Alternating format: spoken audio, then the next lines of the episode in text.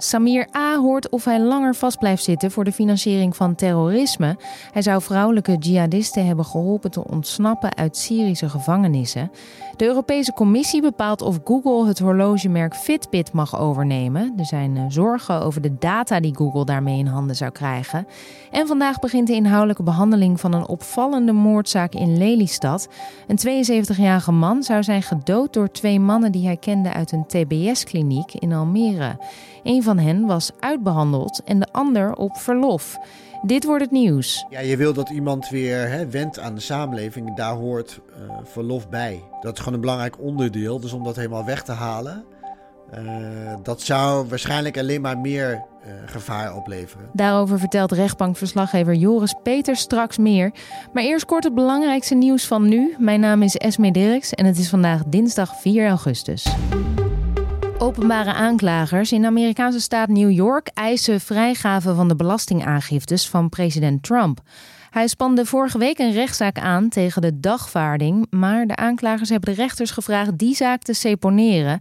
Ze willen de documenten onder meer inzien om erachter te komen of Trump zwijggeld heeft overgemaakt aan pornoactrice Stormy Daniels. Het Amerikaanse Hoge Rechtshof besloot vorige maand al dat Trump inzage moet geven in zijn financiële boekhouding. Maar Trump spreekt van een heksenjacht en wil dit niet, terwijl hij in 2016 tijdens de verkiezingen nog zei dat hij zijn belastingpapieren openbaar zou maken. Suriname heeft een totale schuld van meer dan 2,5 miljard euro. Dat maakte president Chan Santokki bekend. Hij noemt de schuld een financiële catastrofe en zegt dat het de schuld is van voormalig president Desi Bouterse. Bovendien is er nog zo'n 3,4 miljard euro onvindbaar.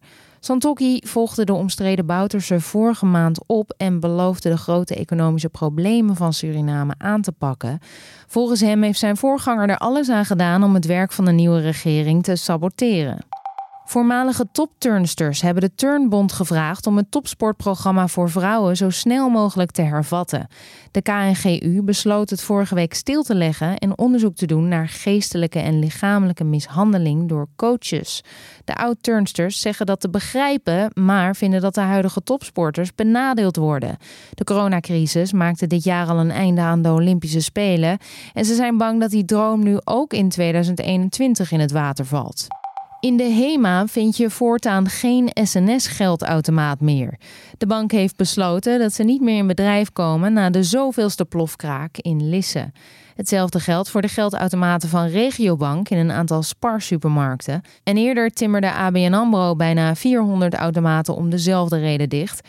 Klanten van de banken kunnen voortaan terecht bij de gele machines van Geldmaat, bij eh, buitenautomaten van de eigen banken en ze kunnen geld bijpinnen aan de kassa bij HEMA.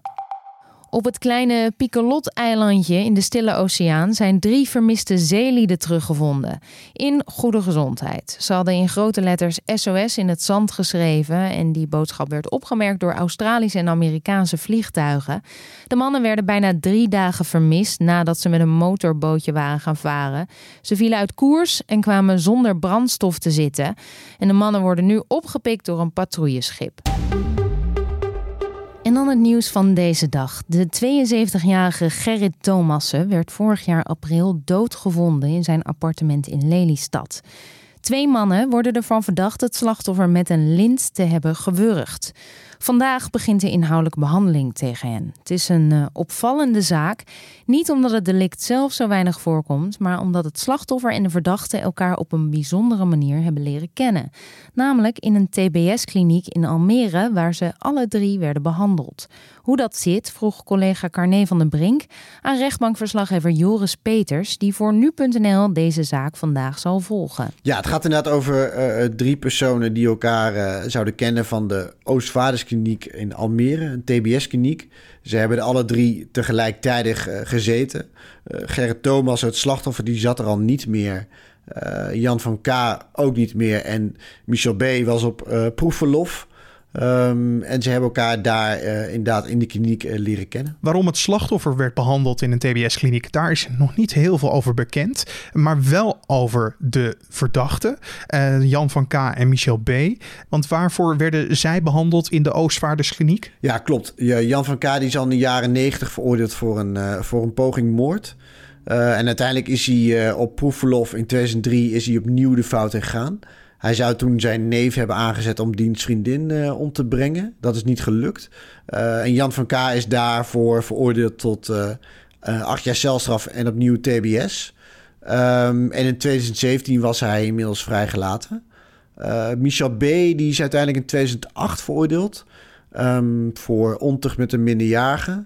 Toen heeft hij een jaar celstraf gekregen en TBS. Um, en zoals ik al zei, was hij uh, ten tijde van de daad was hij op proefverlof. In april 2019 zouden ze weer afgesproken hebben met elkaar.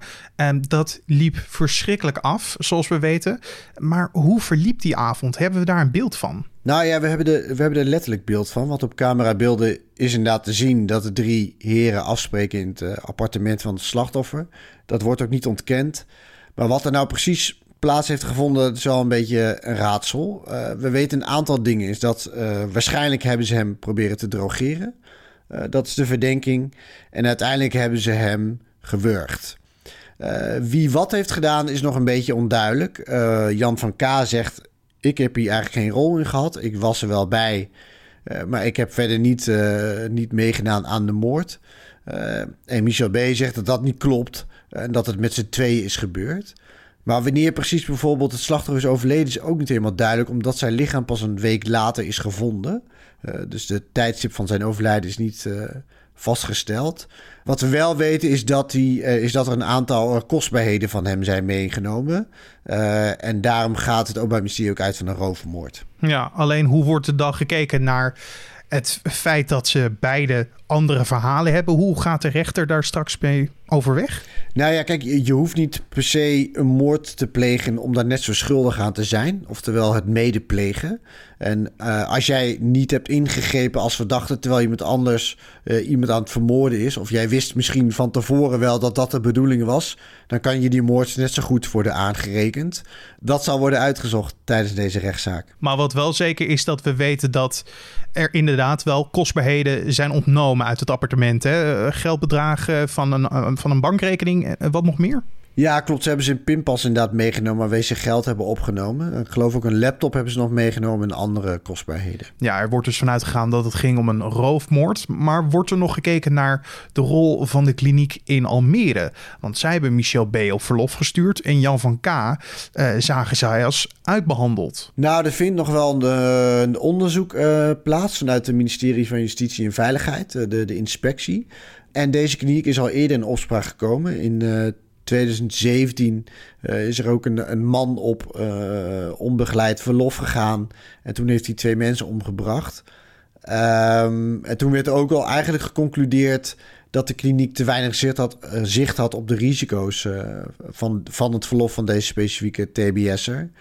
Dus ja, deze, deze kliniek staat er niet goed op. Ze zeggen zelf wel verbeteringen te hebben doorgevoerd. Um, en het is dus nog wachten op, uh, op de resultaten van het uh, onderzoek van de inspectie. Want als we het iets breder maken, als het gaat om ja, het verlof toestaan of uh, het toetsen wanneer iemand uitbehandeld is, hoe moeten we dat zien? Nou ja, er wordt, er wordt in principe gekeken naar, naar, hè, naar de persoon, naar de behandeling die diegene al heeft ondergaan.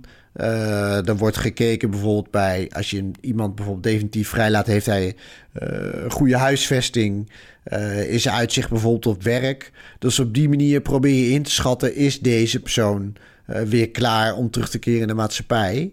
En verlof is gewoon heel erg belangrijk onderdeel van zo'n van zo'n behandeling. En dan hè, je, je, maakt een risicotaxatie en je denkt deze persoon is er klaar voor om ook op onbegeleid verlof te gaan. Uh, en, dan, en dan wordt dat toegepast. Maar zou je dit dan kunnen zien als een fout van de behandelaars, uh, omdat ze het dan verkeerd zouden hebben ingeschat? Nou ja, kijk, je kan daar heel simpel ja op zeggen, want uh, uiteindelijk is, is die persoon weer de fout ingegaan. en daarmee is het wellicht een fout. Alleen aan de andere kant, het is ook een, een risico wat altijd een rol speelt. Um, het is ook nog eens keer een daad in het geval van Michel B die die nooit eerder heeft gedaan. Um, dus het is totaal iets anders dan ontucht met een minderjarige, waarvoor die is veroordeeld. Dus ja, ik vind dat zelf lastig. Er zijn altijd risico's. Er is een onderzoek geweest. Volgens mij begin 2019 is dat naar buiten gekomen dat één uh, op de vijf TBS'ers opnieuw de fout in gaat.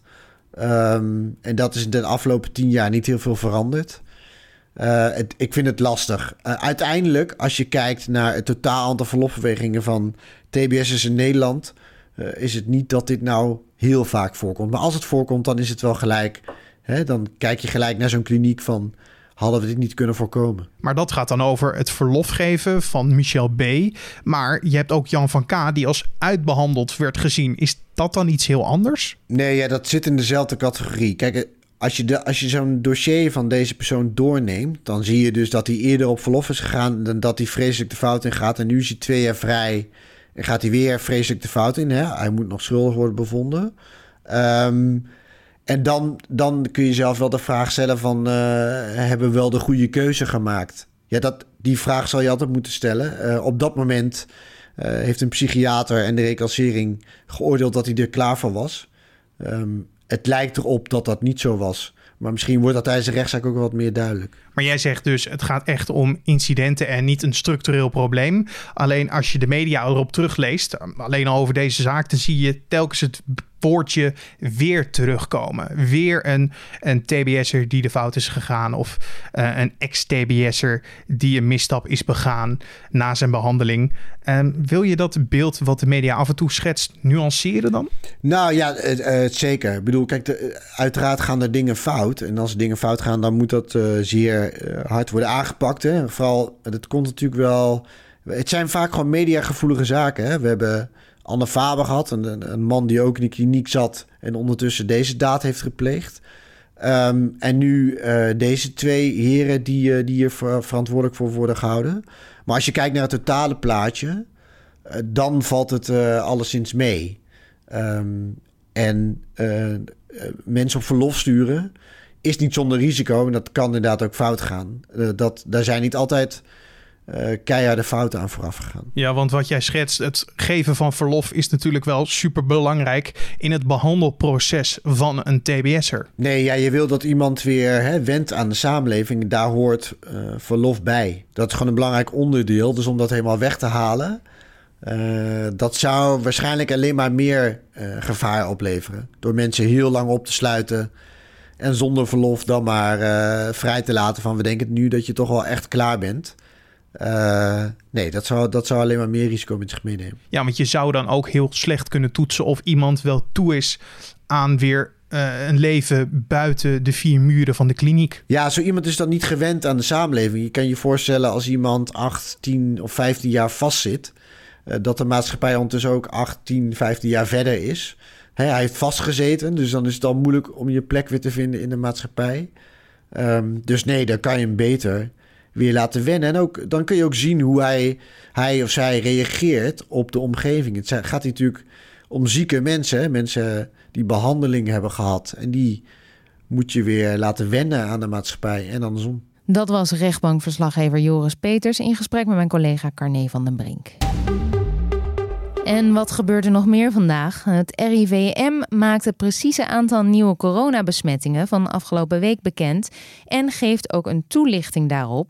Een schatting is er al wel. Wie goed het uh, corona-dashboard in de gaten hield, telde ongeveer 2150 nieuwe besmettingen. Dat is uh, eh, 60% meer dan vorige week. En de GGD maakte al bekend dat er ruim 100.000 tests zijn afgenomen. Nou, dat is dan 10% minder dan vorige week. Hoeveel reden er nu is tot zorg lees je vanmiddag na twee uur op nu.nl. En de Europese Commissie heeft tot vandaag de tijd om te beoordelen of de overname van sporthorlogemaker Fitbit door Google goedgekeurd wordt. In Brussel zijn zorgen dat Google via de deal zoveel data in handen krijgt dat het bedrijf een te machtige positie krijgt op de sporthorlogemarkt. Eerder kwam naar buiten dat Europa verwacht dat Google harde toezeggingen doet om die zorgen weg te nemen. Nou, als Brussel vindt dat het bedrijf dat niet goed genoeg doet, wordt waarschijnlijk later vandaag bekendgemaakt dat de overname formeel onder de loep wordt genomen. En Samir A. hoort vandaag of hij langer vast blijft zitten. A. was uh, eerder lid van de Hofstadgroep en werd eind juni opnieuw gearresteerd. Hij wordt ervan verdacht vrouwelijke jihadisten te hebben geholpen bij het ontsnappen uit gevangeniskampen in Syrië. Uit onderzoek van het OM zou namelijk blijken dat A geld aannam van familieleden en bekenden van de vrouwelijke Syriëgangers. En dit geld zou A vervolgens via tussenpersonen naar de vrouwen hebben gestuurd om hun ontsnapping te regelen. En dat is financiering van terrorisme, vindt het OM. En dan het weer. Dinsdag is het af en toe zonnig en af en toe bewolkt. Het blijft over het algemeen droog, maar landinwaarts kunnen stapelwolken ontstaan. En dan is er in het oosten en het noordoosten lokaal een kleine kans op een bui. Het wordt maximaal 19 graden aan de noordkust en lokaal 24 graden in het zuidoosten. En er staat een zwakke tot matige westenwind. Aan de kust en op het IJsselmeer is de wind matig. In de middag dus vanuit het westen en in de avond draait de wind naar het zuiden. En dit was de Dit wordt het nieuws podcast van nu.nl. Vanmiddag zijn we er weer met een nieuwe podcast. Die vind je dan uh, op de voorpagina van nu.nl in je favoriete podcast app of op uh, Spotify of iTunes. En laat het dan even weten als je het leuk vindt, want dan kunnen anderen ons ook makkelijker vinden. Ik wens je alvast een uh, hele fijne dag.